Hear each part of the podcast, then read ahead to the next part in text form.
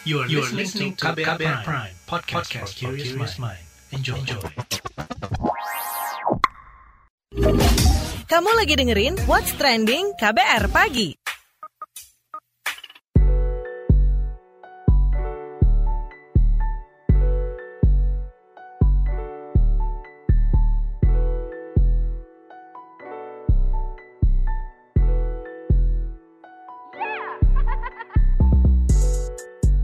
KBR Pagi, siaran pagi radio paling update. Selamat pagi, apa kabar Anda hari ini di hari Jumat 5 November 2021? Kembali lagi saya Don Brady menemani pagi hari Anda di What's Trending KBR Pagi pastinya. Pagi ini kita ngobrolin soal kala komputer vision syndrome mengintai. Jadi salah satu ancaman kesehatan yang dihadapi pekerja dalam situasi WFH atau work from home adalah computer vision syndrome. Ketua Umum Perhimpunan Dokter Spesialis Mata Indonesia atau Perdami, Sidik, mengungkap bahwa bekerja dengan komputer berlama-lama berpotensi mengakibatkan computer vision syndrome, yakni kondisi di mana mata memerah, berair, gatal, kadang-kadang sampai sakit kepala. Computer vision syndrome itu diakibatkan bekerja terlalu lama menggunakan komputer dengan jarak yang sama dan terus-menerus atau berjam-jam. Lebih lanjut, Sidik menjelaskan cara kerja yang demikian berdampak kelakuan pada otot mata sehingga saat melihat ke arah jauh, objek terlihat ganda atau buram, namun efek tersebut hanya sesaat dan akan menjadi bahaya jika terbiasa seperti itu. Untuk mencegah hal itu, Dokter Sidik menyarankan menggunakan komputer maksimal selama 2 jam, kemudian istirahat 10 menit sampai 15 menit. Waktu istirahatnya pun harus terbebas dari gawai. Istirahat bisa dilakukan dengan melihat objek yang jauh atau dengan tutup mata. Dokter Sidik biasa menyebut dengan rule of 20. Ia menjelaskan setelah 20 menit bekerja dengan komputer, mata istirahat selama 20 detik dengan melihat objek pada jarak 20 kaki atau 6 meter. Nah kita bakal bahas lebih lanjut soal ini tapi kita simak dulu opini netizen plus 62 berikut ini. boom, boom, boom, boom, boom, boom, boom, boom, boom, boom, Pertama ke akun Miss Ongs. Sebelum pandemi coba ada catatan to-do list yang ditulis tiap malam. Sekarang nambah catatan Zoom meeting beserta link. Selamat pagi mata yang mulai lelah, otak yang mulai berasap, pinggang yang mulai encok. Yuk bisa yuk ke akun Mediana FS. Istirahatkan mata Anda setiap 20 menit di depan komputer agar hindari computer vision syndrome. Ke akun Bidu Bidu. Di saat main game gue bisa lupa waktu dan selalu pinggang meningkatkan skill terus-menerus sampai tingkatan tertinggi ke akun @benisianturi. Mata cepat lelah saat main game itu karena pas main game mata jarang ngedip. Jadi ya dikedipin aja. Ke akun @rahmarah. Bisa-bisanya minus mata nambah mulu. Pantes beberapa hari ini sering sakit kepala. Padahal mau komit buat lebih baik lagi jaga kesehatan mata. Realisasinya ya malah makin gede ini minus minusnya. What happened? Kalau akun at Ocha Munigiri, pusingnya tuh kayak kena dry eyes atau computer vision syndrome. Rehat aja dulu deh daripada kayak aku dulu, terus tekanan bola mata jadi naik deh. Akun at Shirley Nakensi, nggak bisa nih pandemi gini isinya cuma main HP di depan laptop tidur. Terakhir akun at SDF Care for Lupus, tetap jaga kesehatan mata di masa pandemi hingga endemi dengan hashtag Love Your Eyes. What's Trending KBR Pagi Balik lagi di What's Trending KBR Pagi, kita lanjutkan obrolan kita pagi ini. Untuk mengetahui lebih lanjut soal computer vision syndrome, kita akan ngobrol bareng dokter spesialis mata Gilbert Simanjuntak. Dok, apa sih tanda-tanda seseorang mulai terkena uh, computer vision syndrome? Sampai di tahap mana kita harus mulai waspada atau memeriksakan diri ke dokter?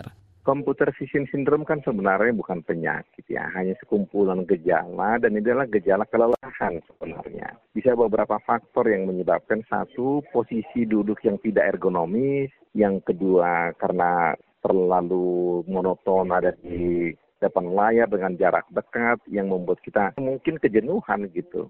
Jadi ini bukan penyakit yang harus ditakutkan begitu ya. Meski ini bukan penyakit, bisakah sindrom ini memburuk? Eh, lebih parah sih tidak, tetapi kemudian wujud menjadi psikosomatis iya. Tapi kemudian menjadi wujud yang lebih parah seperti psikosomatis, jadi kemudian sakit lambung, ya orang awam bilang ma, atau kemudian jadi sakit kepala, iya betul bisa terjadi. Nah, kebiasaan menggunakan elektronik apa yang harus kita hindari untuk mencegah computer vision syndrome? Yang lebih mengganggu sebenarnya adalah salah satu glare dari glare gadget atau komputer itu yang mengganggu, bukan kemudian radiasi, tapi glare. Makanya kemudian di dalam gadget itu maupun di dalam komputer ada namanya night atau yang kemudian tidak begitu mengganggu mata begitu itu yang dikurangi kalau nggak salah blue lightnya dikurangi nih. Jadi ada yang kemudian e, membuat warna lebih soft untuk kita lihat. Itu sebabnya ada beberapa tablet yang in mode, jadi mode tinta. Dulu terkenal itu Kindle. Sehingga kalau kita membaca buku kita bisa tahan 2-3 jam atau berjam-jam buat yang terbiasa. Tetapi kalau buat yang tidak tahan dengan glare paling mungkin mampu setengah jam begitu. Apakah sindrom ini bisa dicegah? Bagaimana caranya? Apakah meminum vitamin untuk mata bisa membantu? Ini bukan penyakit, jadi tidak ada obatnya. Tetapi yang bisa dilakukan adalah merubah kebiasaan. Satu posisi duduk, tulang punggung harus lurus. Kedua, menjaga jarak. Kemudian kita ada periode melihat jarak jauh. Jadi kalau bisa, layar komputer kita menghadap ke jendela keluar sehingga tidak menonton dengan jarak yang dekat kita melihat berjam-jam itu melelahkan. Kemudian merubah mode di layar gadget atau di layar monitor untuk kemudian yang blue light-nya kalau tidak salah itu bisa dihilangkan. Sehingga dia memang lebih soft warnanya, warnanya jadi warm tone gitu ya. Nah sebaiknya berapa lama mata itu harus diistirahatkan saat bermain atau menggunakan gawai? Tidak ada patokan berapa lama karena itu tergantung kemampuan dan kondisi fisik seseorang. Kalau lagi fit mungkin bisa tahan berjam-jam. Anak kecil yang belum mengalami kekakuan otot mungkin tahan berjam-jam. Tapi orang dewasa atau orang tua mungkin setengah jam juga udah lelah begitu. Jadi itu tidak ada patokan. Nah sekarang patokan yang bisa kita gunakan adalah kemampuan kita kalau memang terlalu berat, sudah terganggu, ya jangan dipaksakan. Yang membuat kita sendiri kemudian menjadi sakit begitu. Makanan apa sih yang baik uh, kita konsumsi untuk mencegah kerusakan mata atau mengantisipasi computer vision syndrome ini? Saya kira paling makanan yang mengandung kalsium karena sekarang tulang punggung orang jadi melengkung dengan gadget ini. Jadi mungkin bentuk tubuh orang juga kalau ini tidak ada perbaikan bisa-bisa berubah.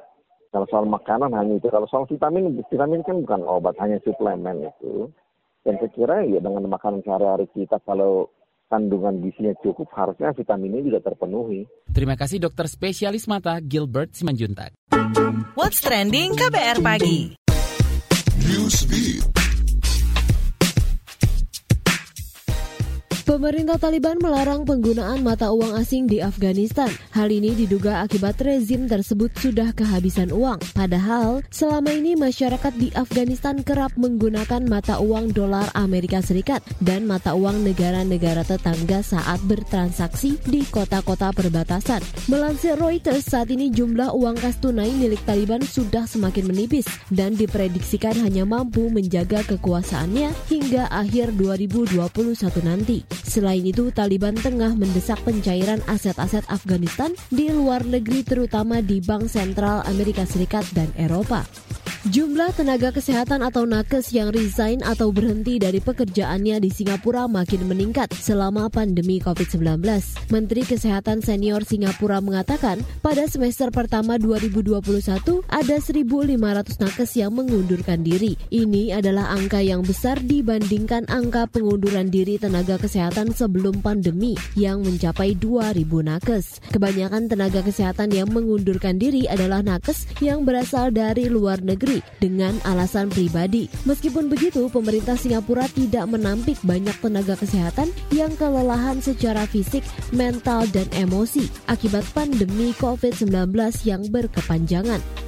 SM Entertainment mengkonfirmasi member boyband NCT Jaehyun akan membintangi drama remake film Bungee Jumping of Their Own.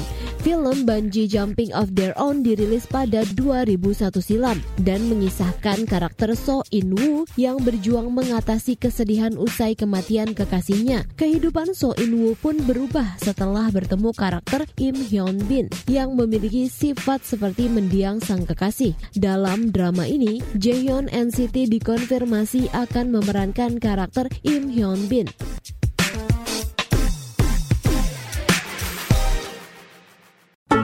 What's Trending KBR Pagi.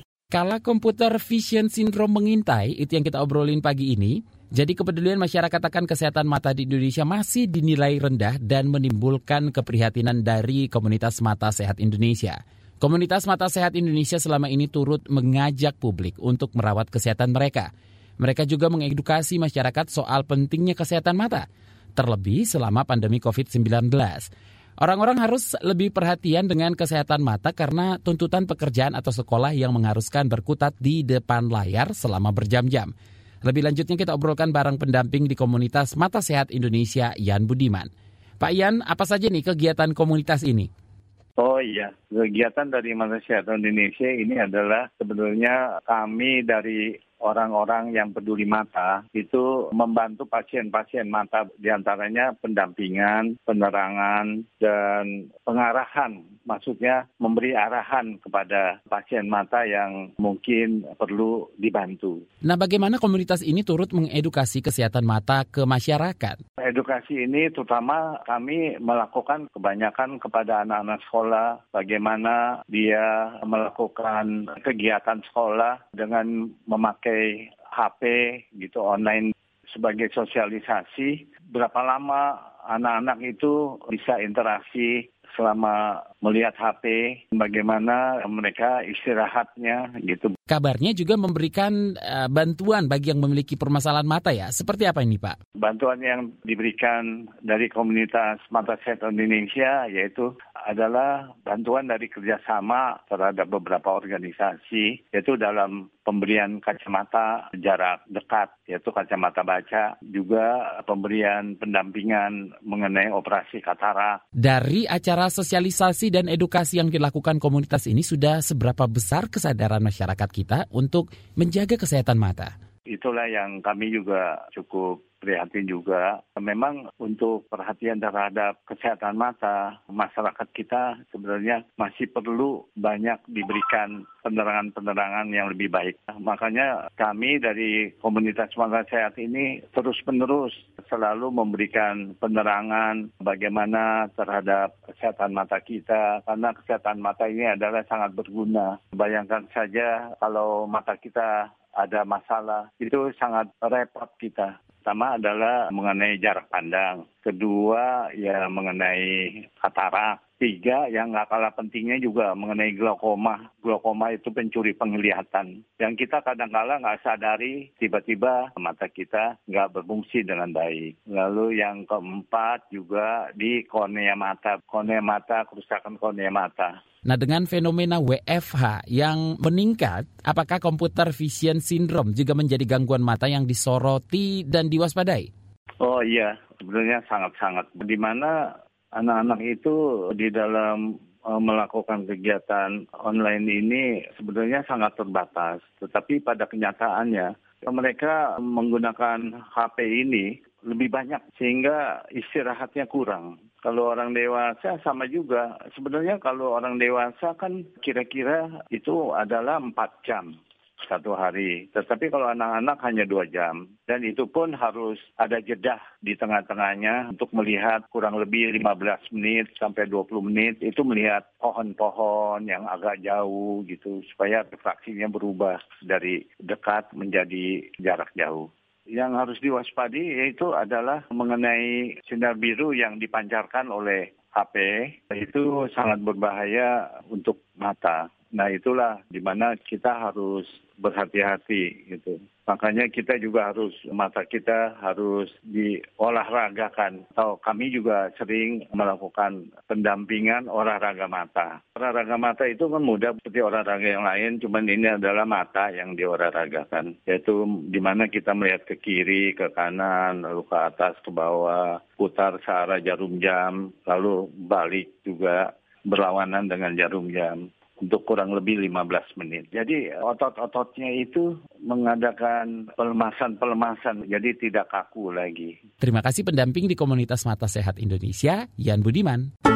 What's Trending KBR Pagi. Commercial break. Commercial break.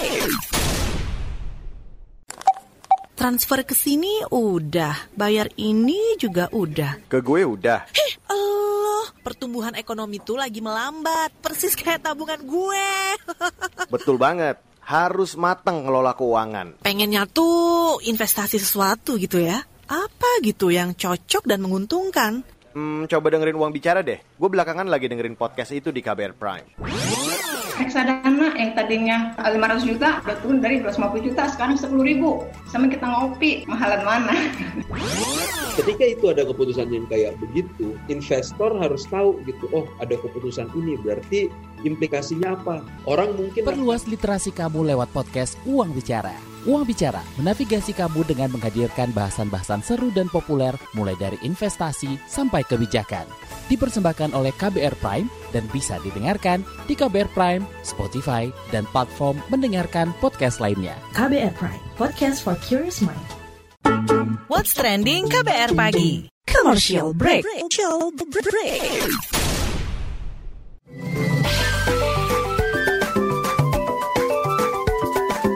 WhatsApp Indonesia.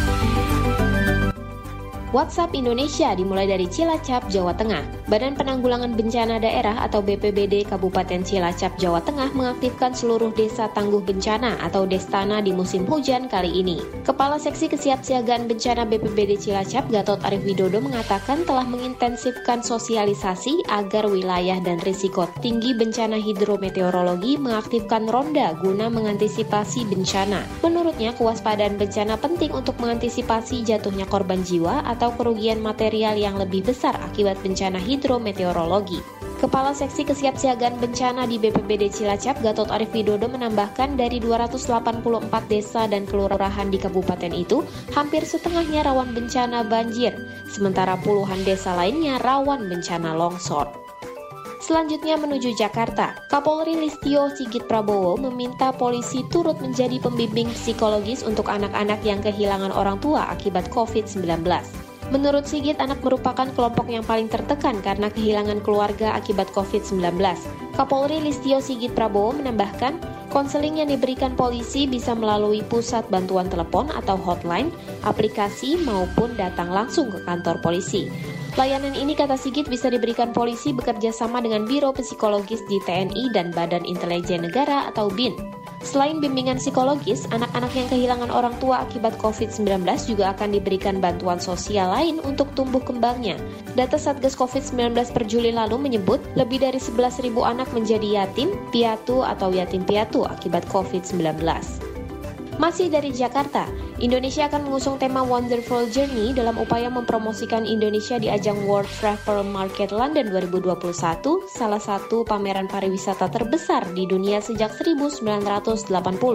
Kementerian Pariwisata dan Ekonomi Kreatif mengupayakan perluasan pasar dan menjaga eksistensi Indonesia sebagai salah satu destinasi utama di Asia Tenggara untuk pasar Inggris di ajang WTM ini. World Travel Market London 2021 dilaksanakan secara hybrid, offline dan online pada 1 hingga 3 November 2021 di Excel Center London dan 8 hingga 9 November 2021 secara virtual.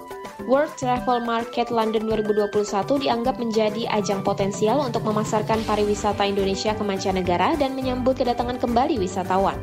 Melalui rilisnya, Menteri Pariwisata dan Ekonomi Kreatif Sandiaga Uno menjelaskan bahwa dalam event World Travel Market London 2021, Indonesia tidak hanya mengangkat tentang lima destinasi super prioritas, yakni Danau Toba, Borobudur, Mandalika, Labuan Bajo, dan Likupang yang telah berjalan sejak 2020, tapi juga akan menyikapi perubahan peta bisnis pariwisata yang dipengaruhi perubahan permintaan dan selera pasar. Selain itu, program Indonesia Care atau I Do Care juga digaungkan untuk menunjukkan eksistensi penerapan protokol kesehatan di setiap tempat pariwisata atau destinasi. Demikian WhatsApp Indonesia hari ini.